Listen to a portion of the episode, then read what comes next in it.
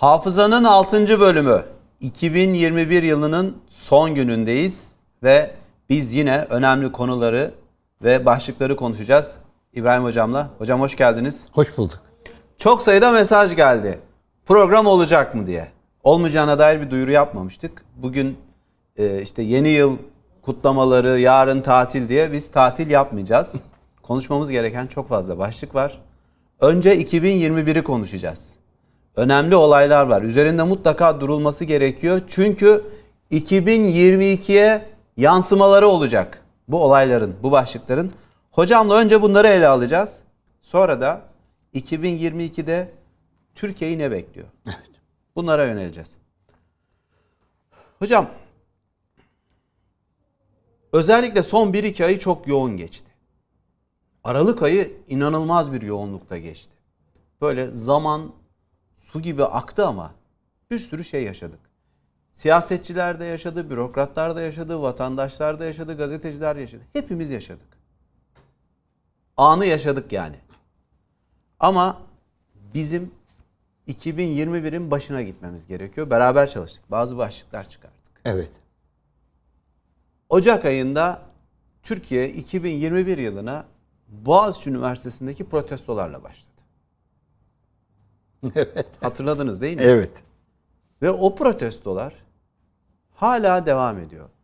Bilim yapması gereken, öğrenci yetiştirmesi gereken hocalar hala sırtlarını üniversite binasına dönmüşler, eylem yapıyorlar. Yani asıl yapmaları gereken işi, vazifelerini askıya almış durumdalar. Başlayalım. Boğaziçi Üniversitesi 214 tane üniversiteden bir tanesi. Türk devlet yapısına bağlı. Yani başka bir ülkenin kurumu değil. Herkesin anlaması gereken şey ilk önce bu.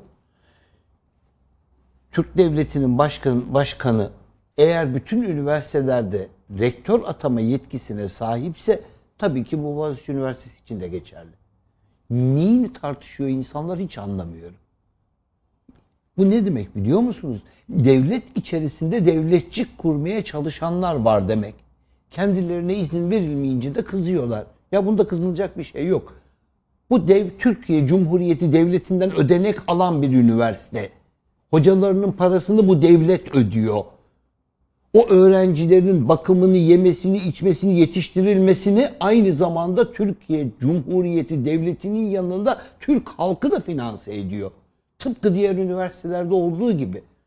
Onların anlamaları gereken bir şey var ki e, sıradan bir üniversiteden hiçbir farkları yok. Peki hocam bu niye böyle bir ayrıcalık istiyorlar? Çünkü bunun temeli e, Robert Kolej'den geliyor.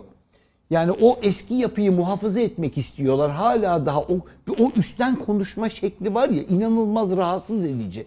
Aslında e, insanların belki şöyle bir inceleme yapıp bir şeyleri ortaya çıkarttıklarında daha da rahatlayacaklar. Şöyle Boğaziçi Üniversitesi çok değerli öğrenciler oraya başvuruyor. En yüksek notları alıyor. Ve bu çocuklar esasında kendi ülkelerine faydalı olmaları gereken yerde okulu bitirdikten sonra hangi yabancı ülkeye gideceğinin yöntemini ayarlıyor. Bunların çok büyük bir kısmı Amerika Birleşik Devletleri ve İngiltere'ye giderler. Yani beyin göçü. Bu böyledir. Sen en akıllı adamını alırsın, üzerine yatırım yaparsın, Türk devletinin parasıyla okutursun, hocalarının maaşını sen ödersin, kaymağını başkaları yiyecek. Buna da karşı çıkmaya çalıştığında sana kızacaklar. İnsanları akıl sahibi olmaya davet ediyoruz. Başka hiçbir üniversiteye verilmeyen hak onlara verilmeyecektir. Verilemez, bundan sonra da verilmeyecek. Bu zamana kadar bazı şeylerde kendilerini böyle görüyorlarsa bundan sonra görmemelerini sağlayacağız. Hacettepe Üniversitesi'nden bir farkı yoktur. Ben de kendi üniversitemi söyleyeyim bu arada. Biz çok iyi eğitim yaparız. Türkiye'nin üniversitelerinde eğitim kalitesi, kalitesi gerçekten çok çok iyi olabilir. Ama yazık etmeyelim çocuklarımıza. Niye başkalarının eline götürüp verelim? Boğaziçi Üniversitesi kendisini kontrol edebilmesi lazım. Orta Doğu Teknik Üniversitesi'nin şu anda savunma sanayine vermiş olduğu desteği, proje bazlı desteği onların da vermeleri lazım. Ama bir yıldır evet öğretim görevlileri evet. rektörlük binasına sırtlarını dönmüş, dikilerek bekliyorlar. Yaptıkları başka hiçbir iş yok. Yani o kadar ilginç ki sanki sanki yöneticiyi seçme kriterini onlar belirliyor. Sokaktaki çocuklar belirliyor. Dışarıdan gelen bir ipsiz takımı var. Bir de onlar katılmışlar araya. Hocam- öğrencilerin haricinde. O eylemler sürecinde vardı ama Evet. bu dikilme eylemini şöyle de değerlendirmek gerekmiyor mu? Koskoca Türkiye Cumhuriyeti Devleti. Tavşan daha küsmüş. Biz e, zaten öyle şöyle öyle veya böyle bir şeyi öğrenmeleri gerekiyor. Biz sadece insanlarımıza şunu anlatmaya çalışıyoruz. Hakikaten bizi dinleyenler şunu bilsinler ki bu bir devlet üniversitesi. Ücretlerini devletten alıyor. Desteklerini devletten alıyor. Devletin haricinde iş yapmamaları lazım. Bizi sevmeleri lazım. Bu ülkeye hizmet etmeleri lazım. Biz onları yabancılara kul köle olsun diye yetiştirmiyoruz. Bunu bilmeleri lazım. Hocam konuşacağımız bir başlık acı bir olay. Yani Türkiye Cumhuriyeti halkının, devletinin, milletinin son yıllarda yaşadığı en acı olaylardan biri. Terör örgütü PKK yapabileceği en büyük hainliği, ihaneti, katliamı geride bıraktığımız Şubat ayında Gara'da yaptı. 13 şehit. Elinde tuttuğu 13 yurttaşımızı, vatandaşımızı infaz Subayımızı, askerimizi. Tabii. İçerisinde askerler var, subaylar var. Ama neticede Türkiye Cumhuriyeti Devleti'nin vatandaşları, siviller var. Bunları bir şekilde kaçırmışlardı. İnfaz ettiler. Elleri kolları bağlıydı büyük ihtimalle. Şehit ettiler.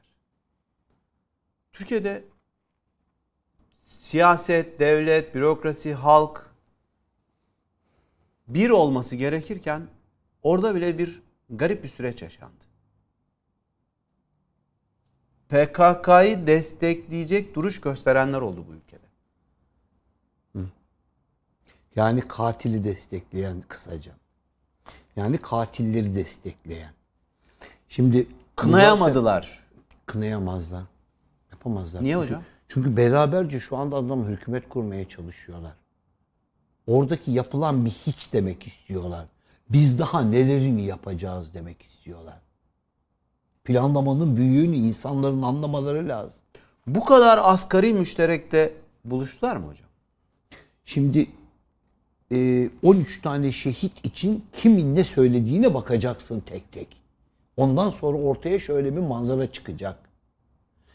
Bir grup hala daha bu adamları yani katilleri meşrulaştırmaya çalışıyor. Hendek eylemleri yapanları, şehirlerin ortasında çukurlar açanları o hendekleri kazan arkadaşlar gibi laflarla taltiflendiriyor. Onlar da böyle yapıyor. Hocam siz dediniz ya birlikte hareket ediyorlar. Bir muhalefet partisi birlikte hareket ettiği bir yapıya aracı olamaz mıydı mesela? Ya aslında olmaması lazım. Görüyorsunuz ne kadar sıkışığız değil mi? Beni en çok onların içerisinde şaşırtan ne biliyor musun? Artık Cumhuriyet Halk Partisi çok açıkça zaten söylüyor. Çok açıkça söylüyor ana muhalefet partisi. Öbürünün peşine takıldı. Yani PKK'nın uzantısı HDP'nin peşine takıldı. HDP'lilerin hiçbirisi bunu inkar etmiyor PKK'nın uzantısıyız diye. Hiç kimse bundan rahatsız değil ben anlamıyorum bakın. Ama e, yanlarındaki İyi Parti aynı şekilde bunlara sessiz kalmakla en büyük desteği veriyor. En büyük desteği veriyor. Yani demek istiyor ki siz diyor örgüt olarak başa gelseniz de ben sizi desteklemeye devam edeceğim diyor. Bunu İstanbul Belediyesi'nde bazında da yapıyorlar yani. Evet hocam bu hafta Ya- bir sürü detay çıktı ortaya. Evet. Daha da neler çıkacak belki. Neden? Ya, ben hatta köşe yazımda da değinmiştim. Belediyenin bir iştirakindeki müdür, İyi Partili bir yetkili, altına alınan elemanlar terör örgütüyle iltisaklı isimler. Yani İyi Partili birinin altına da PKK bağlantılı isimleri işe almışlar. Bu yıkmıyorsa bu ittifakı Ya bu en kötü tarafı ne biliyor musunuz bunun? İnsanlar şu anda algılamıyorlar. Niye biliyor musunuz? Çünkü henüz emir gelmedi kendilerine. Bunlar uyuyan hücreler gibi düşünün olayı. nasıl bir emir? Ya bakın e, FETÖ'cülere emir geldi, ölümüne girdiler, ülkeyi karıştırdılar, darbe yapmaya kalktılar. Bir adamı kaçırabilmek için üç tane hakim mesleğinden olma pahasına her türlü pisliği, her türlü kararı verdi. Bunlar intihar komandosu gibi işte dediğim o. Rus büyükelçiyi öldürdüler Evet mesela. Rus büyükelçiyi öldürdüler. Ülkeyi savaşa sokabilmek için dahi her şeyi yaptılar. Bir de siz şimdi bunu, bunu düşünün İstanbul Belediyesi'ne elektriği vermişsiniz, gazı vermişsiniz ve bütün parkları vermişsiniz. Kritik köşelere yerleştirmişsiniz. Bugün bir detay çıktı hocam. Muhtarlık biriminin, İBB'nin Muhtarlıklar Daire Başkanlığı'nın sekreterliğini daha önce Kandil'e gidip geldiği belirlenen bir sekretere teslim etmişler. Yani İstanbul'un bütün muhtarlık bilgileri, vatandaşlık bilgileri PKK ile bağlantılı bir ismin önünde şu anda. Her evden bir oy diyenler bunun hesabını nasıl versinler bilmiyorum hakikaten. İki, o dedikten sonra kalkıp da her evden birer oy veren semtler, o İstanbul'daki malum yerler, vakti zamanında 2-3 oy çıkmayan yerler birdenbire terör sevicisi oldular. Ve ilginç bir şekilde, bakın 13 şehitten geldik buraya. Evet. O 13 şehitten geldik. Haram olsun hepsinin hakları. Bu millet bunları affetmeyecek. Yani siz diyorsunuz ki hocam bu 13 şehit hadisesinde yıkılmadıysa bu ittifak daha da yıkılmaz. Evet. Çünkü bunları aralarındaki bağ bambaşka bir bağ. Bu bağ emperyal bağ. Emir kendilerinden gelmiyor. Emir emperyal emir. Yoksa be- beş benzemez değil, yüz benzemez bir arada tutulur böyle. Benzemezleri bir araya getirebilecek güç nedir diye insanların sorması lazım. Ve o zaman işte dediğim o programlarımızın başından beri birinci bölümden beri anlatmaya çalıştığımız yapı ortaya çıkacak. Bazı olayları böyle basite almak isteyenler var. Çünkü insanlar bilmiyorlar. Yeryüzünde zannettikleri gibi 200 küsür tane devlet var. 196 tanesi aktif devlette falan da filan da zannediyorlar. Böyle bir şeyin olmadığını çok defalar söyledim. Bunların çoğunun tabela devleti olduğunu çok defalar söyledim. Bazı ülkelerin ise hiçbir özelliği olmadığını, hiçbir üretim yapmadığını, hiçbir şeye katılmadığı halde en ufak bir enflasyona uğramadığını, parasının değerinin düşmediğini söyledim. Buna yüzlerce örnek verebilirim. Dünya üzerindeki ülkeler, milletler, insanların anlamaları gereken şeyleri söylemeye çalıştık. O ilk beş hafızanın her böyle bir bölümünde ayrıca. Devam edeceğiz buna. Bu arada hocam bir not düşeyim. Hafızanın podcastleri de yüklendi arkadaşlar. Yani seyahat ederken şurada burada sesli olarak dinleyebilirsiniz. Yeni Şafak'ın podcast kanalları üzerinden Hafıza ismiyle. Bunu da söylemiş olalım hocam. Eyvallah. Teknolojinin bütün e, imkanlarını kullanmaya gayret ediyoruz. Daha fazla kişiye sizin yorumlarınızı, analizlerinizi ulaştırmaya çalışıyoruz. Hiç olmazsa hani bunlar söylendiği zaman umuyorum ki insanlar kalkarlar ufacık bir araştırmaya girişirler. Eskisi gibi değil. Eskiden ansiklopediler karıştıracak, kitabın birini bırakacak, diğerine geçecekti. Şu anda söylediklerimizi çok kolay tahlil edebilirler. Tahlil etmeden ne olur, ne olur erken şeyde karar vermesinler. Hocam bazı yorumcularımız var. Ben onlara buradan teşekkür ediyorum. Gerçekten araştırıyorlar, Evet. yazıyorlar. Sizin Evet. yorumlarınızı tamamlayacak, Evet. bir ileriki aşamaya Evet. taşıyacak e, Ben de bağlantılar hepsine ortaya teşekkür koyuyorlar. ediyorum. Gerçekten öyle. Yani duyarlı, bilinçli, konunun üzerine giden bir izleyici kitlemiz var. Bu da bizim için önemli. Bir güzel tarafı da ne biliyor musun? Yurt dışından inanılmaz şekilde Çok çok Ve izleniyor. o insanlar çok daha kolay anlıyorlar. Aslında ben de onlardan biriyim. 36 senedir sürekli olarak yurt dışında kaç ülke gezdim ve o yaşadığım insanları anlatıyorum. Onlar da beni anlıyorlar. Gerek Almanya'dakiler, gerek İsviçre'dekiler, gerek bakın çok o kadar ilginç yerler Kanada'dan, Amerika Birleşik Devletleri'nden, Avustralya zaten hep bizimkiler arkamızda. Onların hepsi bizi izliyorlar. Hatta bana şöyle tekliflerle gelenler oldu. Türkiye'nin bu son dolara karşı ha- hamlesine her birisi dediler ki biz dediler biz de onar bin dolar koyalım Türkiye'de hesap açalım. Nasıl olsa artık paramızın değerinin kaybolma ihtimali yok dediler. Ha bu yeni ekonomik Tabii düzlemde, ki yeni tabii ki modelde bu insanların hepsi ülkelerini çok seviyorlar. hocam bu önemli bir şey. çok önemli. Sayın Cumhurbaşkanı işte altınlarınız koruma altında, dövizleriniz koruma altında diyor. Yurt dışında yaşayan Türk vatandaşları için de önemli bir şey. Evet. Paraların değerinden bir şey kaybolmayacak. Hiçbir şey kay ve ülkelerine çok büyük faydası olacak.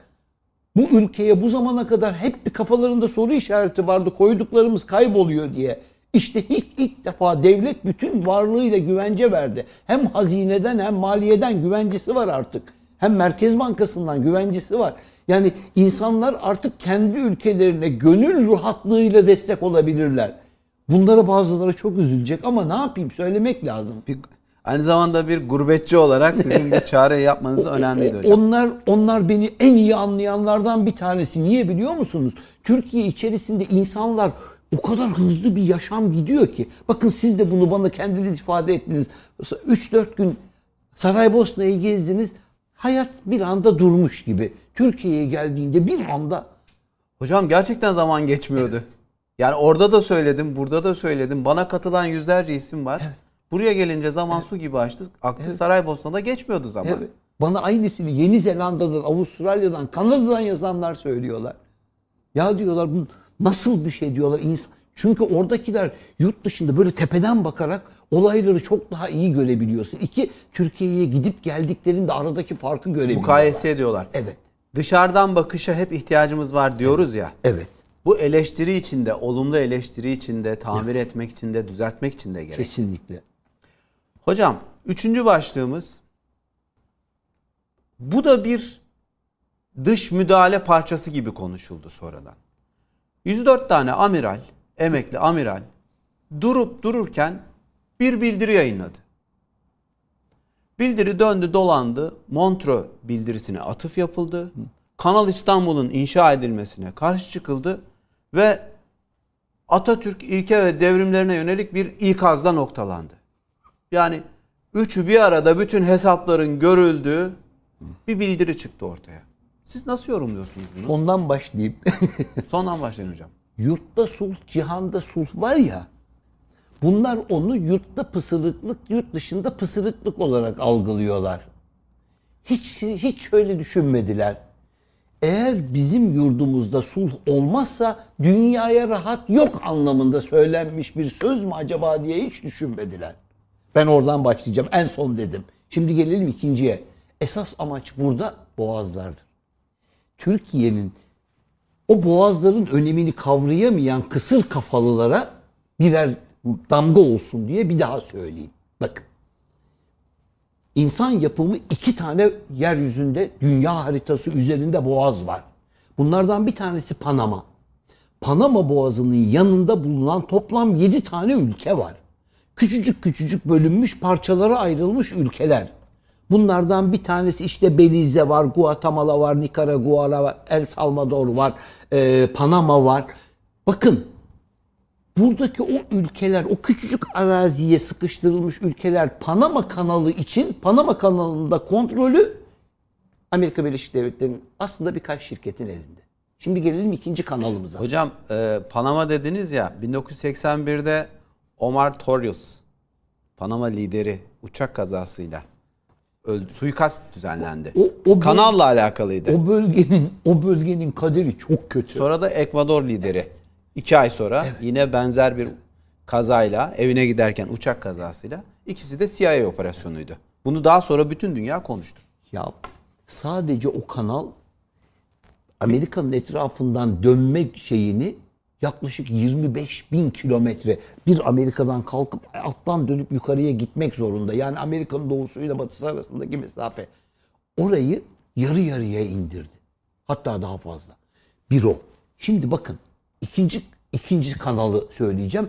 Bu arada bir keşke fırsatımız olduğunda da o konuya girip çünkü o, o bölgedeki gariban ulusların başlarına neler geldiğini, hiçbirisinin darbelerden hiç kurtulmadığını, hiçbirisinin Güney diktatörlerden hiç kurtulmadığını, o diktatörlerin hiçbirisine kendilerine hizmet ettiği için Amerika Birleşik Devletleri'nin Batı'nın hiç şikayet etmediğini ve bu insanların hayatları boyunca mazlum olarak kaldıklarını insanlara tek tek kafalarına vura vura anlatmak Her lazım. karışından petrol fışkırırken Evet. nasıl enflasyona yenik düştüklerini, Evet. ekonomik krizler. Evet.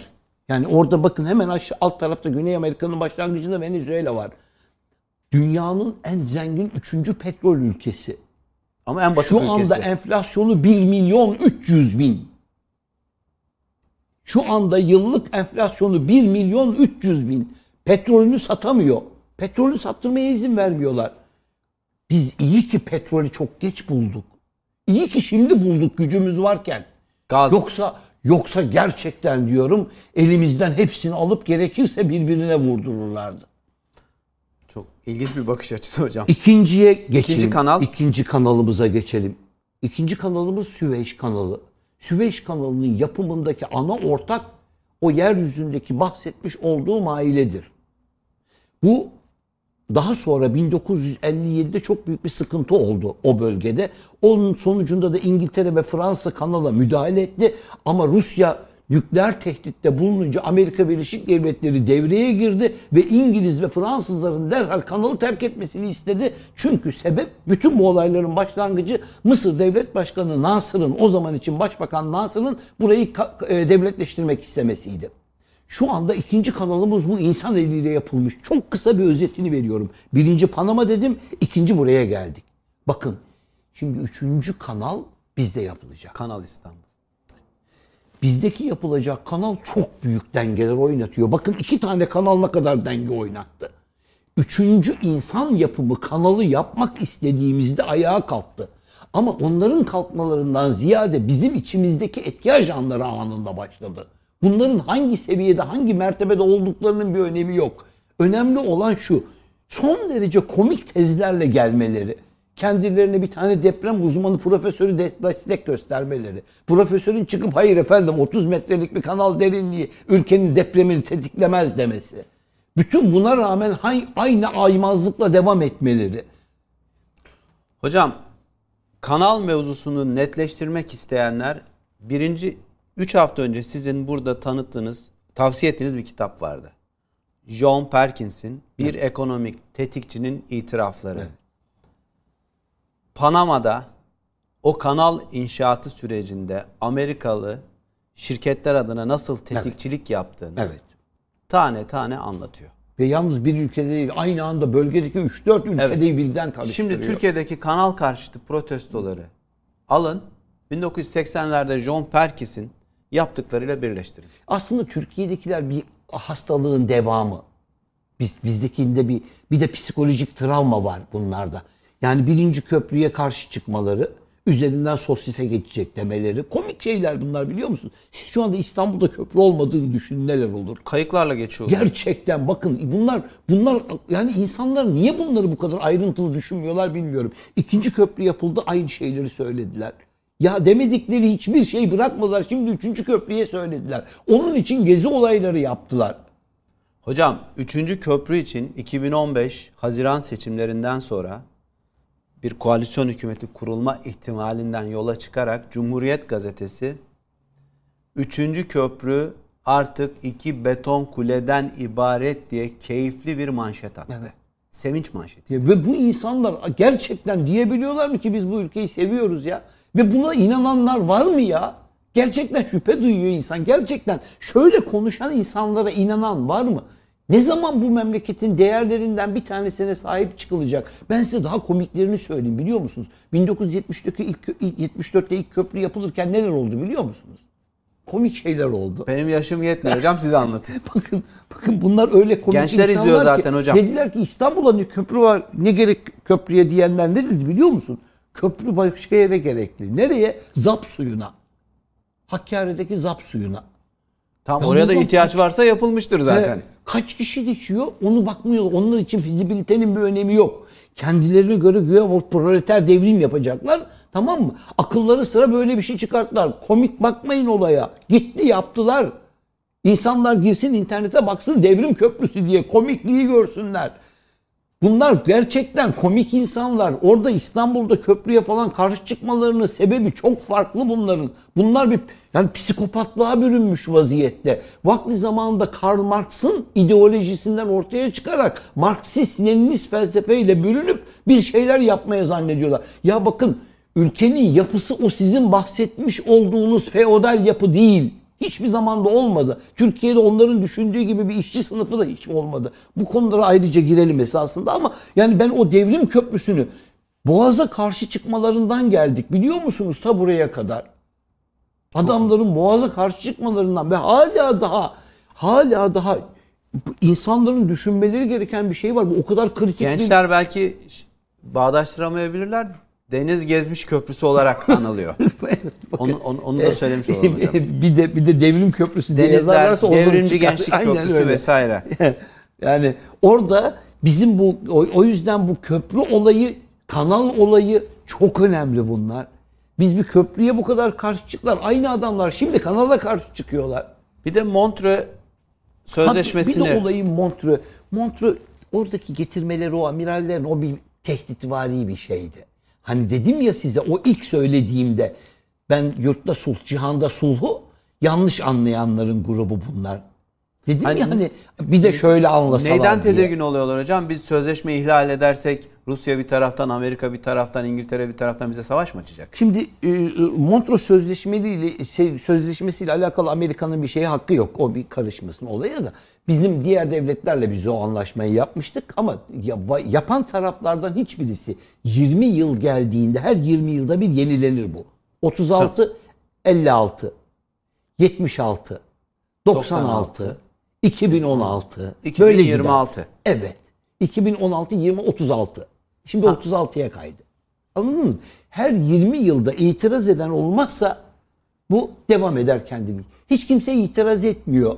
Neden itiraz etmiyor biliyor musunuz? Çünkü şu anda bizim elimizde epey bir yetki var. Fakat para alma yetkisi yok. Biz bir tek istesek bu olay için elimize almak yetkisi isteyebiliriz. Ama masaya oturduğunuzda bazen her zaman kazanmayabilirsiniz. Çünkü bizim boğazlarımız çok önemli ve çok etkili. Yani Rusya gibi bir devleti baştan ayağa tutan, şu anda Karadeniz'deki diğer bütün ülkeleri tutan bir kanal, bir deniz. O yüzden bizim bizim konumuz çok önemli. Bu getirilen amiraller de ortalığı karıştırmaktan başka hiçbir amaç ya kendileriyle bunlar emekli amiral ya. Hiç uzaktan yakından bir alakaları yok. Hocam Size önceden darbesi gelen emekli amiraller bildiri yayınlıyordu zaten. darbesi gelene. Doğru. Yani bu, bu, Doğru. bu da bir Türkiye kroniği aslında. Ya işte diyorum ya e, ondan sonra da derler ki işte herkes herkesin işine karışıyor. İşte karışıyor. Şimdi hocam biraz e, Haziran ayına geldiğimizde Türkiye'nin sizin birazdan gireceğiniz geleceğe yönelik konuşmalarınızın denklemlerine dair giriyoruz biraz. Haziran ayına geldiğimizde Karadeniz'de 3. ve yeni gaz rezervi ile ilgili bir açıklama yapmıştı. Bir kere daha oradaki kuyulardan biri hatırlı bir miktarda Evet. gaz çıktı açıklandı. Geldiğimiz noktada Enerji Bakanı diyor ki 2023 yılında biz bu gazı halkımızın kullanımına vermeye başlayacağız. Önümüzdeki yılda boruların kaynakları yapılacak artık. İşte Tuz Gölü'nde stoklama depoları vesaire bunlar planlanıyor. 2026'da artık gazı bütün Türkiye hanelerine dağıtmaya başlayacak Türkiye. Öyle görünüyor. 20 yıl yetecek bir gaz rezervinden bahsediliyor. Türkiye'deki bütün evler kullandığında 20 yıl yetecek bir gaz rezervi. Bu Türkiye'yi nereye taşıyacak? Neyi değiştirecek? Valla o kadar çok iyi değiştirecek ki şu aslında 2022 12 ay inanılmayacak önemli. Hiç gözden kaçırmayalım. 12 ay topu topu 12 ay inanılmayacak önemli. Çok önemli olaylar olacak. Biz bunların bizim lehimize sonuçlanması durumunda bu ülkenin uçacağını herkes bilsin. Çok önemliden kastınız ne hocam? Bakın, Birkaç çok- tane örnek isteyeceğim. Çok önemli dediğim bunların bir politik, ekonomik ve askeri yansımaları var. Bu karşımızdakiler üç ay, ayaklı bir saçtan bahsediyorum. Üçüyle birden işleme geçecekler.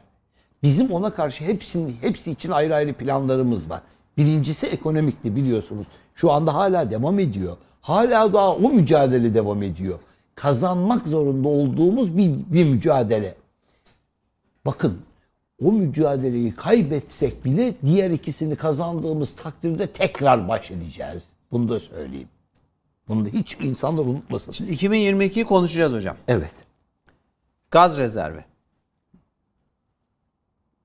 Türkiye bu zamana kadar Rusya'dan alıyor. Evet. İran'dan alıyor. İşte Birinci sırada likit, likit gazı Cezayir'den alıyoruz. Cezayir'den Heh. alıyoruz. Ee, ikinci sırada e, şeyden alıyoruz. Ee, İran'dan. Üçüncü sırada Katar'dan. Ha, Katar'dan Evet.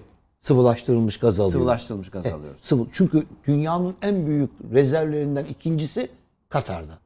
Sıvılaştırılmış gaz rezervi açısından. Petrolde değil. Katar'ın en büyük zenginliği sıvılaştırılmış gazda. Şimdi bizim bize de çok uygun fiyat da veriyorlar. Gerek Cezayir gerekse Katar aslında. Diğerlerine oranla. Yoksa bizim yan tarafımızda hemen Rusya'da var. Biz Rusya'dan da gaz alıyoruz ama Rusya'nın gazını demek ki çoğunluk satıyoruz Avrupa'ya. Yani Türkiye'de kaç türlü o e, boru hattı varsa hepsiyle ber teşekkür ederim. Hepsiyle Arkadaşlar, beraber sağ olun. e, bizim gerçekten diyorum son derece önemli bir dönemdeyiz o açıdan, petroller açısından. Ama o bizim bahsettiğimiz 540 milyar dolar var ya, e, 540 milyar metreküplük Evet. rezerv. Bu sene belki üzerinde çok daha fazla katlanacak.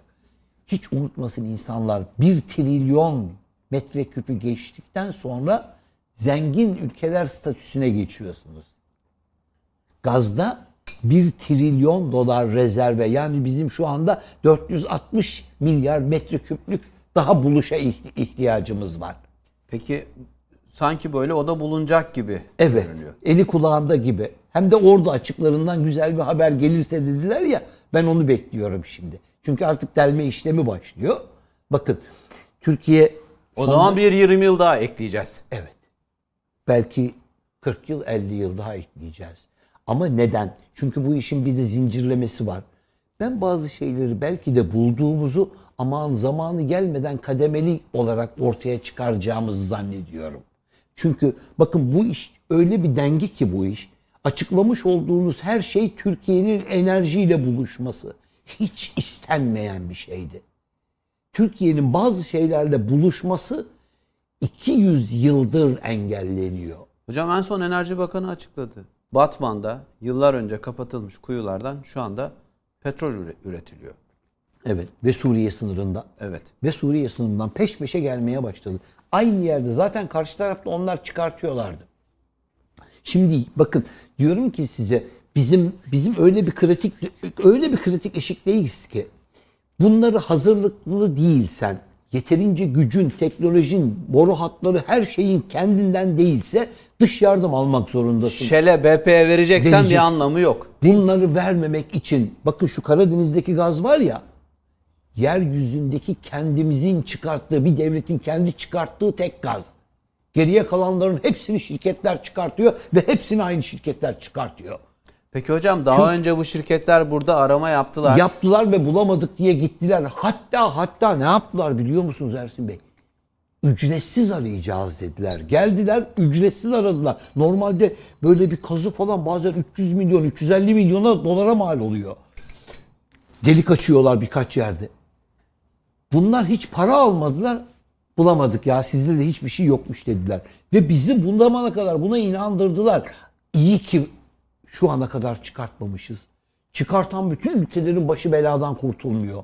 Petrol zenginlik değil, korumasını bilmediğim müddetçe.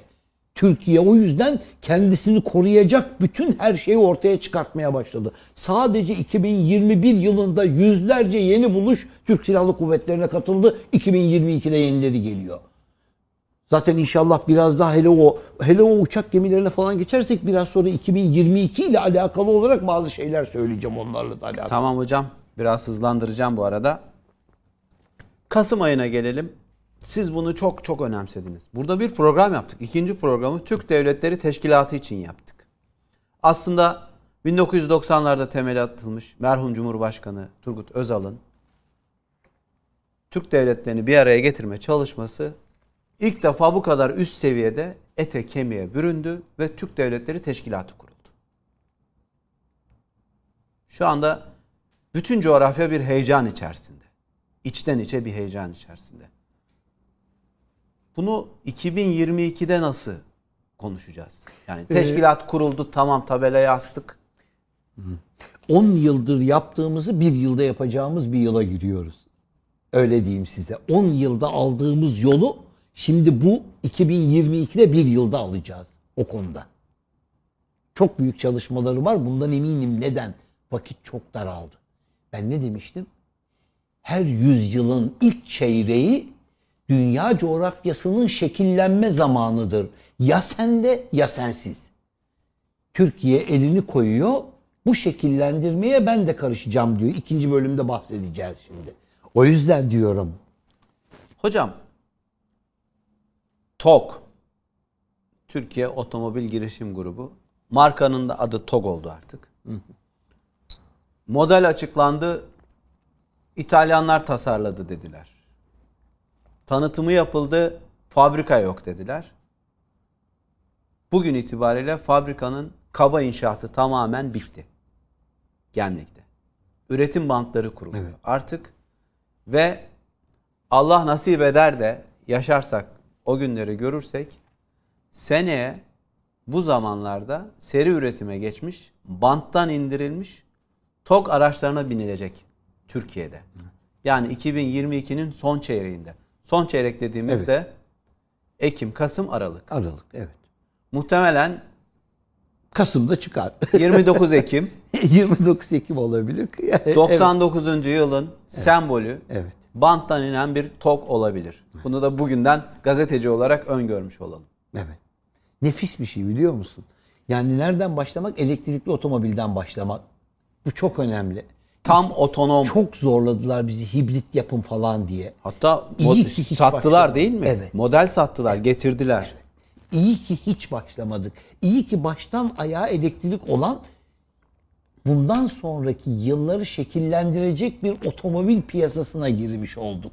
Hocam bu arada o vizyon yani Türkiye'ye bu vizyonu kazandıran isim Selçuk Bayraktar. Evet. Hakkını verelim. Evet.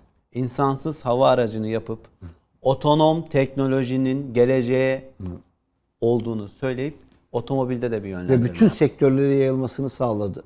İnsansız kara sistemleri, hava deniz sistemleri, radar sistemleri, yapay zeka hepsi birbirini tetikledi. Evet. Hepsi birbirini tetikledi. Bakın zaten Türkiye'nin en büyük gücü bu oldu. O yüzden çok kıskanıyorlar.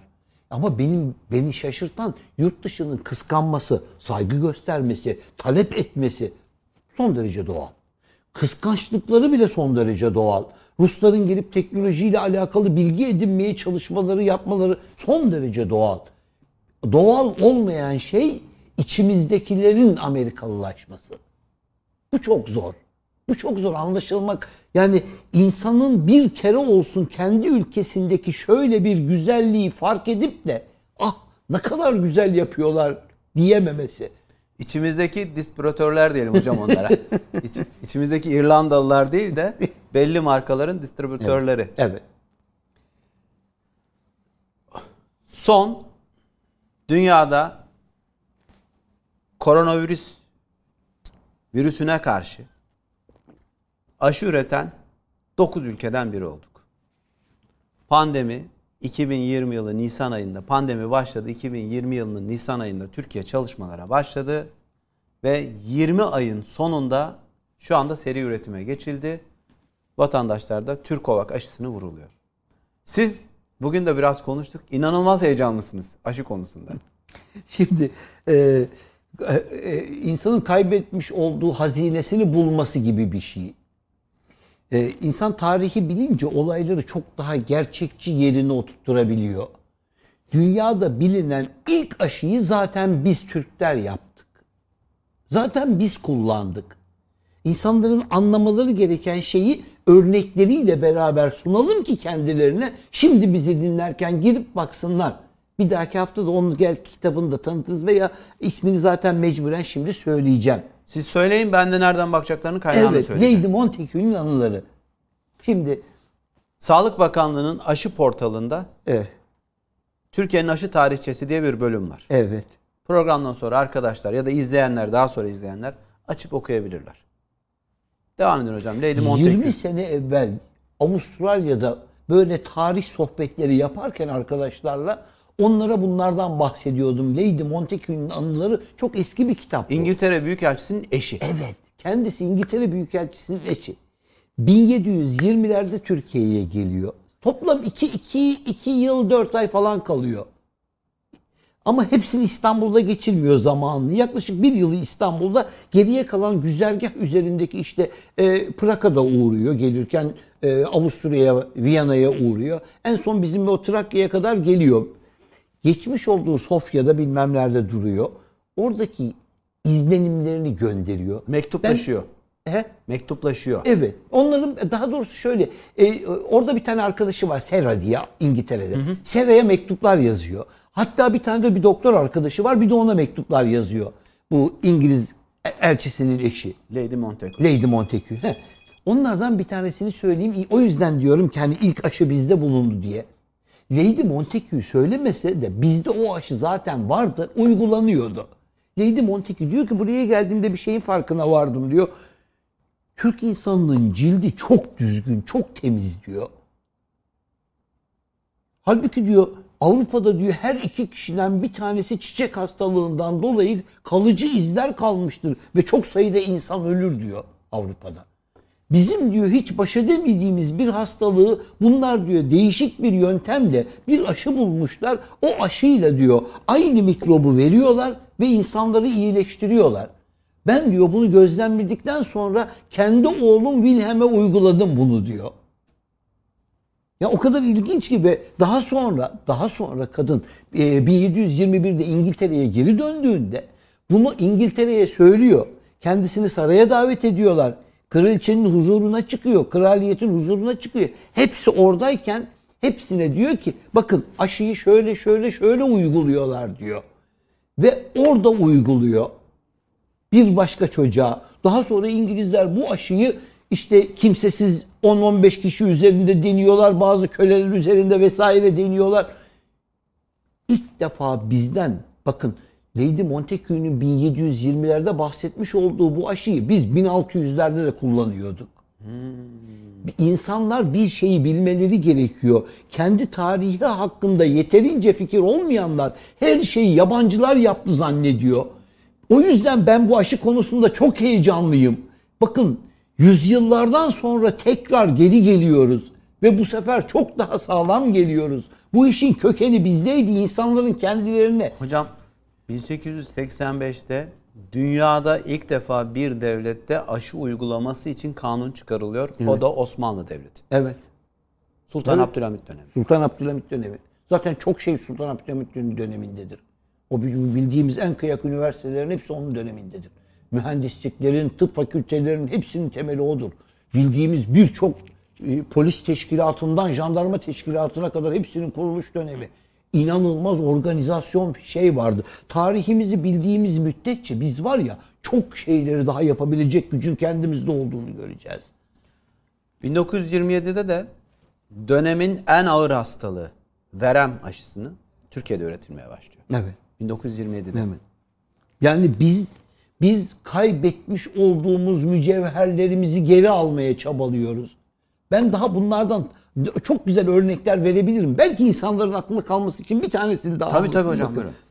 Lady Montagu yanındaki hizmetçisiyle beraber Türkiye sınırlarına giriyor. Türkiye sınırlarına girdiğinde Osmanlı Devleti o zaman karşımızda koca bir devlet var. Hani millet böyle basit görüyor, olayı bir türlü algılayamıyor. Hatta ana muhalefetin lideri Türkiye şeker bile üretmiyordu diyor. Biz şekeri 1230 yılında Sultan Alaaddin Keykubat döneminde, Selçuklu döneminde üretmişken bu adam o kadar habersiz ki kendi ülkesinden. Şimdi tekrar ben döneyim Osmanlı'ya. Osmanlı'daki olay bakın e, Lady Montagu yine e, e, yanındaki hizmetçisiyle beraber sınıra geldiğinde diyorlar ki size efendim vize vereceğiz hani ülkeye giriş vizesi. Giriş için de bazı şartlarımız var. Sizi bir test yapalım. Diyor ki bizi diyor iki bayan hizmetçimle beraber diyor iki tane Türk hemşire bembeyaz elbiselere bürünmüş iki tane Türk hemşire bizi diyor bir odaya aldı. Ve dedi ki bize soyunu. Ve çırılçıplak soydu bizi diyor. Daha sonra diyor yanımıza geldi. Elindeki bir kabın içerisinden diyor, elindeki bir kabın içerisinden küçücük hayvanlar işte bit ve pire. Eliyle aldı üzerimize attı diyor. Niye hocam? Ne kadar ilginç değil mi? Ondan sonra kutunun ağzını kapatıyor ve diyorlar ki tamam hemen geçebilirsiniz. Banyoya alıyorlar, hamama alıyorlar, temizliyorlar. Türkiye'ye girmenin Evet. Birinci testi yapıyor diyor. İkinci test içinde diyorlar ki e, lütfen tuvalete gidin. Bir tane küçük kap veriyorlar. Evet. Sidik testi kısaca İdrar yapılacak. testi. İdrar testi yapılacak. İdrar testi için birer örnek alınması isteniyor ve alınıyor.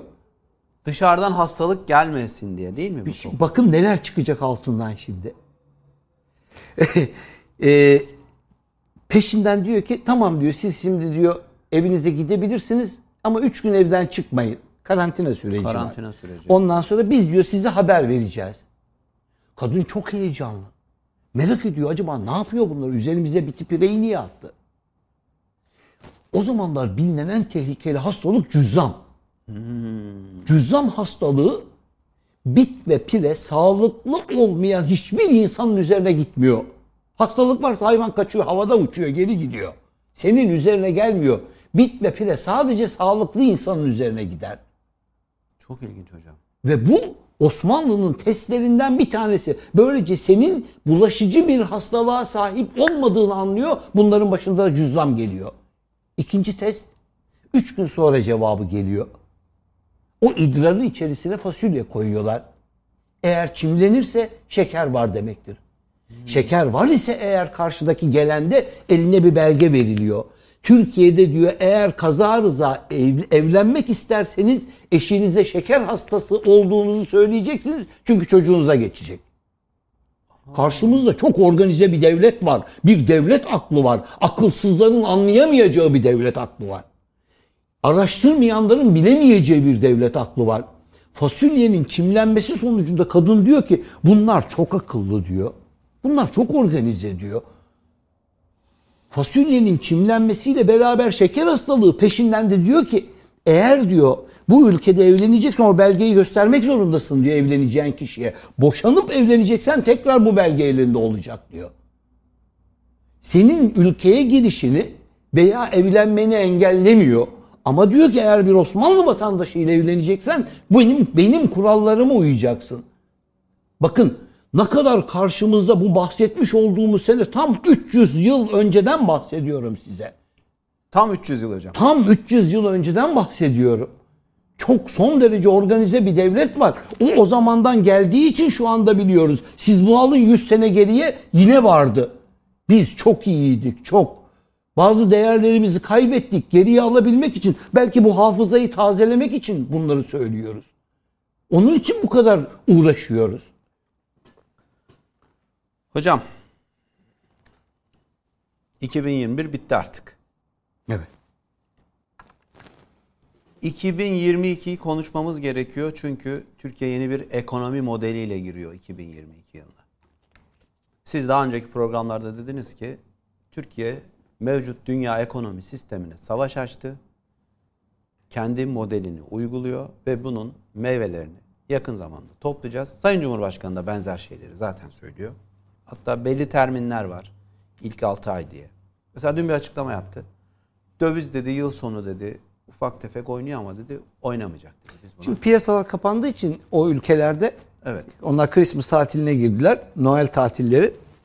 Ee, o, o yüzden dolayı içeride bazı oynamalar olabilir ama onlar e, çok rahat yerine oturacak. Belki de bazılarına özel fırsat veriliyor ki son anda kendinizi kurtarmak isteyenler varsa kurtarsın diye bilmiyorum. E, çünkü e, bundan sonraki dönem biraz daha farklı bir dönem olacak. 2022. 2022'nin 12 ayı çok şeylere gebe. Bizim açımızdan size şöyle söyleyeyim inanılmayacak yeni bir dönem başlıyor Türkiye açısından. Muhteşem bir zenginleşme döneminin başlangıcına giriyoruz. Neye dayanarak söylüyorsunuz hocam? Bakın bu gelecek hizmete girecek her şeyle birlikte piyasalar öylesine değişecek ki biraz önce toktan bahsettik. Sadece tok bile piyasaları çok oynatacak. Türkiye'de 2-3 yıl içerisinde otomobil piyasası inanılmayacak derecede hızlı dengeye girecek. Niye? Kendi otomobiliniz var. Yurt dışındakilerin buradaki şubelerinin vasıtasıyla kontrol edebileceği bir şey olmaktan çıkıyor.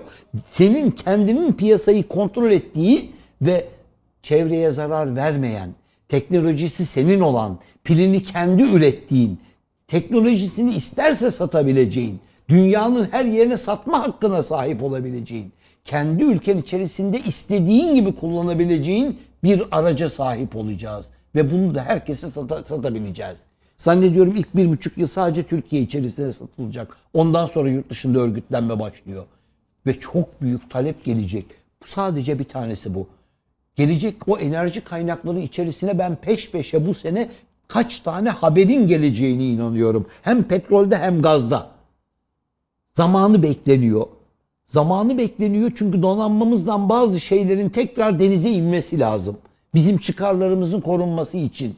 Her şey güçle aynı şekilde orantılı gitmek zorunda. Biz yalnızca öyle değil. Biz girdik mi 2022'ye? Birinciden itibaren aslında şöyle başlayalım. Biz kendi manifestomuzu yazıyoruz artık. Ne Artık- var bu manifestoda? hocam? Artık Türk'ün manifestosu girecek devreye. Bazıları için çok sevindirici, bazıları için kahredici. İçerisinde bizimle beraber ortak fikirleri, ortak inançları, ortak değerleri, bu millet için aynı arzuları paylaşmayanların üzüleceği, paylaşanların ise çok sevineceği yeni bir döneme giriyoruz. Bu dönem, bu 12 ay ilginç bir dönem olacak. Yalnızca ekonomik gelişimler açısından değil, özellikle teknolojik patlamalar açısından. Çok şeyde bir anda öne geçtiğimiz görülecek. Bunların faaliyete geçtiği görülecek. Özellikle Türk Silahlı Kuvvetleri'nde ve savunma sanayinde geçen seneki başlayan şey geçen sene çok büyük miktarda yeni şey piyasaya girdi, yeni ürün. Çok daha hızlı bir şekilde devam edecek. Onların seri üretimleri, seri ihracatları. üretimleri ve biz bunların inanılmaz bir çarpan etkisi vardır bütün dünyaya. Bakın sadece bayraktarların siz haline bakın ne kadar e, bu kadar etki yaptığına. Kaç ülke şu anda rapor hazırlıyor. Türkiye'dekiler ıvır zıvır işlerle uğraşırken koca koca muhalefetteki insanlar garip garip şeylerle uğraşırken işte bir tane yerin bakanlığın kapısına gidip onunla bununla kavga ediyor. Ya arkadaş senin görevin mi o çok üzülüyorum. Kalkıp TÜSİAD'ın kapısına gidip ricada minnette bulunuyor. Devlet dairesinin kapısına gidip tehdit ediyor. Komiklik ya. Vallahi komiklik. İnsan kendisini düşürmez ya bu kadar. En son mesela makine kimya endüstrisi top yaptı hocam. Yerli, milli tamamen Türkiye'nin ürettiği bir top yaptı. Gemi, Evet, gemi için ve başarılı oldu. Çok daha fazlaları var biliyor musun? Bazı şeyleri e, öyle ilginç ki mesela bizim sattığımız her ürünün biz bir kademe iyisini yapmadıysak o ürünü satışa çıkartmayız. Yani çünkü teknolojik gelişim sürekli olarak elimizde bulunmak zorunda ki ki biz o konuda bakın dünyanın en iyilerindeniz demiyorum artık. Birkaç maddede en iyisiyiz. Ve Mesela? bunu ve bunu Amerika Birleşik Devletleri çok iyi biliyor. İşte bu insansız sistemler onlar. Kara, hava ve denizde aynı anda hizmete girecek ilginç projeler var bizde. Çok şaşıracaklar. Hepsi çok şaşıracaklar. Ben bunları neye dayanarak söylüyorum biliyor musunuz? O projelerin hepsini belki 10 sene önceden beri bunların her birisinin teker teker çalışma usulleri vardı. İşte küçücük projeler vardı 12 ay, 18 ay hepsini takip ediyordum gururla. İşte Yakut projesi, İnci projesi, Elmas projesi, ya e, serverların yapımı projesi. Onlara bir bakıyordum. Diyordum ki kendi kendime demek ki şunu yapılacak, şu yapılacak, şu yapılacak, şu yapılacak. Siz benim size bahsetmiş olduklarım 2007 ile 2006 ile 2016 arasında. Oradakilerin bir kısmını o, o darbecilerin engellemeye çalışmasına rağmen bu 15 Temmuz'dan sonra hepsi kademe kademe Türk Silahlı Kuvvetleri'nin hizmetine girmeye başladı. Bir şeyi üretmek de yetmiyor biliyor musunuz? İçinizdeki hainlerden temizleyip devletinizin hizmetine sunmak hepsinin ötesinde. Şimdi ben dedim ki Türk çağı yeniden geliyor dedim Türkiye'nin çağı. Bakın insanlar bir şey ne olur beni yanlış anlamasınlar. Ben buradaki Türk kelimesi derken bir şey özellikle... Hocam tam olarak o soruyu soracaktım. Bir izleyicimizden de gelmiş. Evet. Onu söyleyeyim. Hemen söyleyeyim insanlar anlasınlar. Türk demek aynı zamanda Müslüman demektir. Bosna'da Boşnakları öldürürken Sırplar bunlar Türk oldu diye öldürüyordu. Bize ihanet ettiler. Diyorlardı. Buradaki buradaki Türklük ben bunları özellikle neden vurguladığımı da söyleyeyim. Onun da tarihsel kökenini anlarlarsa belki beni çok daha rahatlıkla e, e, anlamak yani bazen oluyor kendimi ifade edemediğimi düşünüyorum, üzülüyorum. Ben değerlerine, harçlarına, kültür seviyesine bağlı bir insanım. Ben bu ülkenin her türlü değerine saygı duyan bir insanım. Ama şunları da göz önünde bulundurmamız lazım. Ben 60'a yakın ülke gezdim dedim. Gezmiş olduğum ülkeler içerisinde siz kendinizi çok değişik yerlerde değişik şeylerle karşılaştığım için söylüyorum. Bir tanesi anlatıyor işte ben diyor aslında diyor işte Türkiye'den geliyorum demiyor. Örnek veriyorum işte ben diyor Kürdüm diyor.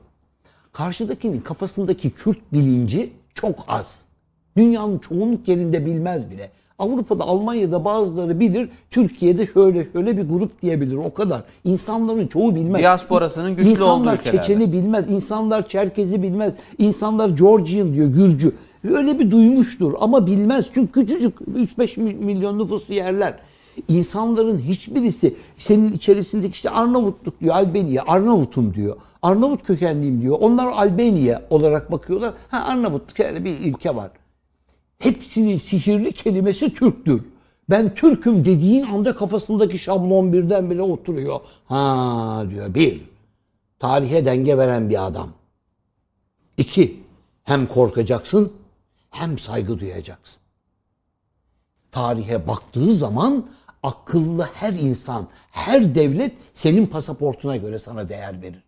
Şimdi değerin tamamlanmıştır. İster Laz, ister Çerkez, ister bilmem ne. Hangi gruptan olursa ol, pom, pomak ol bilmem ne. Bu milletlerin hepsi Türk olmak, aynı zamanda Müslüman olmak, isterse Arap olsun. Biz o duyguya her zaman bağlıyız. Biz bu memleketin her türlü değerine bağlıyız. Zaten biz bu millet bu yüzden yani 2022'den itibaren yalnızca Türk Devletleri Teşkilatı'nın değil, bütün mazlum milletlerin ve bütün Müslüman ülkelerin de kurtarıcısı olarak ortaya çıkıyor. O yüzden biz dünyanın üç denizinde birden boy göstermeye başladık. Bu ne büyük bir gurur biliyor musunuz? İnsanların bazı şeyleri gerçekten anlamalarını istiyorum. Sene 1517. Çaldıran bitti 1516 1517 e, Mercidabık ve Ridaniye savaşlarıyla beraber Memlük devletini bir aldık. Yavuz Sultan Selim Mısır'ı aldı. Yaptığı ilk iş ne biliyor musunuz? İki tane birden deniz üssü kurmak. Bir tanesi Kızıldeniz'e, diğeri aşağıya şeye e, Körfez'e, Akabe'ye. Bu deniz üstleriyle beraber derhal gemilerin yapımına başlıyor. O kadar hızlı ilerliyoruz ki 10 sene içerisinde Hint okyanusunda bütün Portekiz gemileri o zamanlar bakın Umman'ı almışlar. Portekizliler. Resmen Kabe'ye doğru ilerliyorlar. Ve bir anda biz geliyoruz. Yemen'deler. Yemen'e üst kurmuşlar Portekizler. O zamanın imparatorluğu Portekiz. O zaman daha İngiltere falan hiç yok piyasada. İngiltere 1800'lerde ortaya çıktı. 1707'deki o birliktelikten sonra ortaya çıktı. Yani İskoçya ile İngiltere'nin United Kingdom birleşik olarak Birleşik Krallık olarak birleşmesinden. Ondan evvel önce Portekiz sonra İspanyollar vardı. O bölgenin belası Portekizlilerdi. Hatta hatta size e, bakın orada Pasifik'te çok fazla adalar vardır. Hint Okyanusu'nda ve Pasifik'te. O adaların yerlilerinin hepsini öldürdüler. Öyle vahşi bir medeniyet geldi ki yerliler ne olduğunu anlayamadan öldüler biliyor musunuz? O kadar iç acıtıcı ki insanlara anlatsam bunu bu batının vahşet medeniyetinin üzerine nasıl oturduğunu anlarlar. İnsanlara geliyor diyor ki orada işte bahçeler var, çeşitli meyve sebze bahçeleri. Bunlar toparlayacaklar, Portekiz'e götürecekler. O zenginliği kendileri paylaşacaklar, yiyecekler. Paraya, mala para vermiyorlar. İnsana para vermiyorlar, köle olarak tutuyorlar. Anladınız mı? Sadece öldürerek alıyorlar, hırsızlık yaparak alıyorlar. Bir vahşet medeniyeti dediğim benim bu. Ve bu 1500'lerde başladı.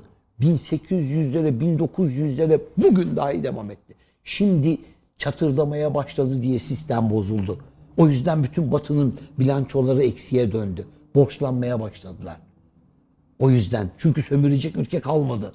Deliriyorlar şu anda. Batı sömürecek yer kalmayınca savaş yapar. Savaş ekonomisine dayanarak. Kesinlikle. Hemen hemen ilk ilk girecekleri şey savaştır. Batı bedava para kazanmayı sever. O yüzden ben o Osmanlı konusundaki o teorilerin hepsine karşı çıkmam. Yok işte matbaa gecikmiş, yok şu olmuş. Bunlar hepsi hikaye. Ticaret yolları bizim elimizdeydi. Ticareti biz kontrol ediyorduk. Adamlar eşkıyalıkla beraber farkına varmadan mucit olarak geri döndüler. Ama vahşetle geri döndüler. 1517'de biz orada Hint donanmasını kurunca bütün bölgeyi ele geçirmeye başladık. Bugünle birlikte kaç sene geçti aradan? Tam 500 yıl. Şu bahsetmiş olduğum biliyor musunuz 1517'de Mercidabı'yı aldık biz. 1517 2017'de de aynı yeri bir daha aldık Suriye'de. Evet. Yani o, o kasabayı tekrar aldık. Bunlar çok kritik şeylerdir 500 sene sonra. Biz 500 sene sonra oradaki limanların hepsinde Türk devlet aklı dediğim bu. Daha be neleri gelecek geriye. Derhal ve derhal birinci, ikinci, üçüncü uçak gemilerini onun gibi şeyler yapmamız lazım. Çünkü bizi bekleyen çok işimiz var.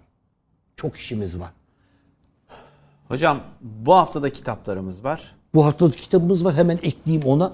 Birincisi aslında bir tanesi dedim ya hani insanları köle yaptılar, vahşet yaptılar. Onlardan bir tanesi çok yakın zamanda 1994'lerde yaşandı. 92, 93, 92, 94, 93, 95. 94. Bunlar 95'te bir Dayton olmuştu değil mi? Dayton Anlaşması. Bu, bu, bu o vahşetin Saraybosna kuşatması ve Saraybosna katliamının. ve Aliye İzzet Begoviç. Bir döneme damga vuran Bilge Kral adıyla andığımız onun iki tane kitabını söyleyeceğim. Bunlardan bir tanesi biraz önceki bahsettiğimiz şey. Köle olmayın. Köle olmayacağız. İşte bağıranlardan bir tanesi buydu. Hani Türk oldu diye öldürdükleri, öldürmeye çalıştıkları, soylarını kurutmaya çalıştıkları insanlardan bir tanesi. Avrupa'nın ortasında İslam'ın gür sesi. Evet hocam. İşte bu oydu. Bu, bu, bu birincisi köle olmayacağız. İkincisi tarihe tanıklığım. Yine Ali İzzet Begoviç'in. Bunların özellikle insanımızın okuması bilmesi lazım. Bu çok büyük bir mücadele. Bu Avrupa'nın ortasında hiç olmayacağını düşündükleri bir zamandaki yapılan katliamın şu anda böyle bir şeyin yapılmasına izin vermeyecek bir Türkiye var. Hocam ben Saraybosna'daydım. Böyle. Sa- Bosna Hersek'teki Sırpların lideri Dodik bir süredir böyle ilginç çıkışlar yapıyor. Evet. Sırp ordusu kurmaya kalkışıyor falan. Tabii o bundan 20 yıl öncesinin travmaları yeniden gö- görünmeye başlamış. Bir tedirginlik var. Ama bir taraftan şunu da gördüm ben. Herkesle konuştum. Türkiye'nin eski Türkiye olmadığını Boşnaklar çok iyi biliyor. Evet. evet. Bir güvence var. Milli Savunma Bakanımız iki gün önce Saraybosna'ya gitti. Siyasi, politik, jeopolitik ne dersek diyelim müthiş bir anlamı Evet. vardı. Ya duruşu ve konuşması aslında her şeyi belli ediyor biliyor musun? İnanılmaz bir güven içerisinde. Ali'ye Tarihe Tanıklığım kitabında şöyle bir şey söylüyor hocam. Diyor ki Osmanlı 400 yıl boyunca bu topraklara hükmetti. Bütün milletleri adalet ve eşitlik içerisinde yönetti. Sonra gitti Avusturya, Macaristan, şu bu, Yugoslavya kuruldu, Sırplar vesaire. Hiçbir şeye zarar vermedi Osmanlı. Ne cami, ne kilise, ne katedral hiçbir şeye zarar vermedi. Ama siz geldiniz, tarihi katlettiniz. Asıl barbar olan sizsiniz diyor. Evet. Asıl barbar olan Avrupalılar diyor. Evet. Evet. Yani ama insanların gerçekten Bosna'ya gidip görmeleri lazım. Özellikle o boydan boya şehrin ortasındaki her tarafın mezarlık dolduğunu, şehitlerin yattığı yerlerini insanların görmesi lazım. Gerçekten orada çok büyük bir mücadele verildi. Büyük bir soykırım yaşandı. Çok büyük. Balkanlardaki en büyük soykırımlardan bir tanesidir bu. Bir diğer kitabımız Üçüncü kitabımız hocam. Evet, üçüncü kitabımız bu Jared Diamond ve Yükseliş adlı bir kitap. İnsanlar hani e, bana hangi kitabı okuyalım diye sordukları için söylüyorum. Adamla her konuda fikrim aynı değildir. Ben sadece karşımızdakilerin ne tür fikirler beslediklerini, ne tür planlar yaptıklarını Jared Diamond'ın Yükseliş adlı kitabı. Bunun bir de Çöküş adlı kitabı var. İncelediği şey bir medeniyetin yükseliş ve çöküşlerinin sebepleri. Bunları inceliyor. Aslında çok ilginç. Mesela krizdeki uluslar ve onlar için dönüm noktaları. Burada ana olarak aslında altı ülkeyi incelemiş. Ve bunlar da bizim hep konuşmalarımızda da bahsetmiş olduğumuz derin yani şöyle şöyle söyleyeyim size mesela bir Almanya'yı inceliyor. Çok ilginçtir çünkü 2. Dünya Savaşı sonrasında inanılmaz sancılar çıkan bir diğeri Japonya. Savaştan yenik çıkan ülkeler. Ama Yani- nasıl bir anda hamle yaptılar? Evet. E, e, yükseliş ve e, işte o onların içerisinde tabii onların bazı şeyleri söyleyemediği ama bizim hafıza programlarını izleyenlerin paranın kaynaklarını takip ettiğinde kolayca bulacağı eksik noktaları tamamlayacağı şeyler var. O yüzden Hocam diyorum. Diamond'ı şuradan da hatırlayabilir izleyiciler. Demir, Mikrop, Çelik. Evet, çok popüler bir kitabından. kitaptı. Çok popüler bir kitaptı, Aslında Batı'nın işgalci yüzünü Evet. anlatan, Evet. Yerli halkları nasıl Evet. katlettiklerini anlatan Ya ona bir bir nokta koyayım bakın. Bu Pasifik adaları dedim ya size yerlileri katletmişler. Adamlara çalış diyorlar. Başında duruyorlar. Adamcağızlar birazcık çalışıyor. Ondan sonra unutuyor. Çalışmayı unutuyor. Bilmiyor çünkü hayatı boyunca hiç organize çalışmamış. Denizin kenarına gidiyor. Balık avlamaya kalkıyor. Portekizli geliyor adamı öldürüyor. Hemen bu arada size bununla alakalı ha, Pasifik adalarında yerli kalmamıştır biliyor musunuz? Şu anda ya Hintli vardır ya da Afrikalı zenci vardır. Aa, çok- Pasifik adalarındaki yerlilerin soyunu kuruttu bu insanlar. Bununla ilgili bir film vardı değil mi hocam? Bununla ilgili bir film var. Charles Branson'ın ilk filmi. 1969 yapımı The Burn. Burn filmi. Yani B-U-R-N. The Burn. Charles Bronson'un ilk filmi. Ne olur bunu izlesinler ama çok kısa bir özet vereyim. İnsanlar ne olduğunu anlasın filmde. Filmde Portekiz'in e, o zaman ele geçirmiş olduğu bir adanın yerlilerini öldürdükten sonra Afrika'dan getirmiş olduğu zencileri köle olarak kullanıp mal ürettirip onları gemilere yüklenip Portekiz'e götürdüğü bir dönemi anlatıyor. Adaya bir tane İngiliz geliyor. Bir İngiliz bütün adadaki zencileri organize ediyor. İşte Charles Bronson onu canlandırıyor. Kendilerine bir tane lider seçiyor. O lideri pohpohluyor. Bir zenci lider. Onu pohpohluyor. Gerekli diyor bütün organizasyonu yapıyor. Onu seçmesi bile çok ilginçti. Adam hakaret ediyor, küfür ediyor. En sonunda kendisini isyan ettiğinde şimdi oldu işe yaradın diyor. Ve onun üzerine oynuyor. Daha sonra diyor ki işte biz ayağa kalkarsak ama isyan edersek hepimizi öldürür Portekizler. Yok diyor. Her türlü silahı size sağlayacağım. O filmi bir seyretsinler olur mu? Bu film çok güzel bir film. The Burn.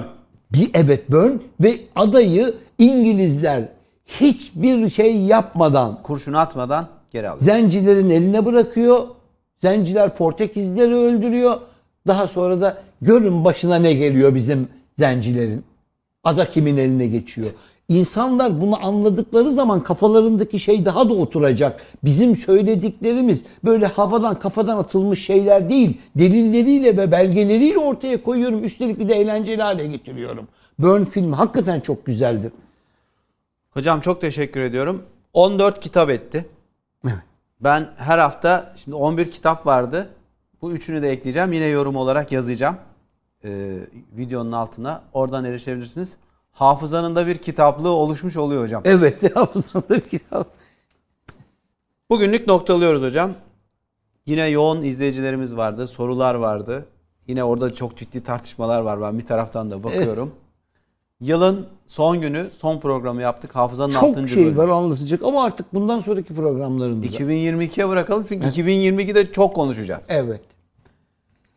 Evet. Bizi izlediğiniz için çok teşekkür ediyoruz. Önümüzdeki hafta Cuma günü Hafızanın saatinde yani 21'de görüşmek üzere. Hocam ağzınıza sağlık. Görüşmek üzere efendim. Herkese çok teşekkür ediyorum.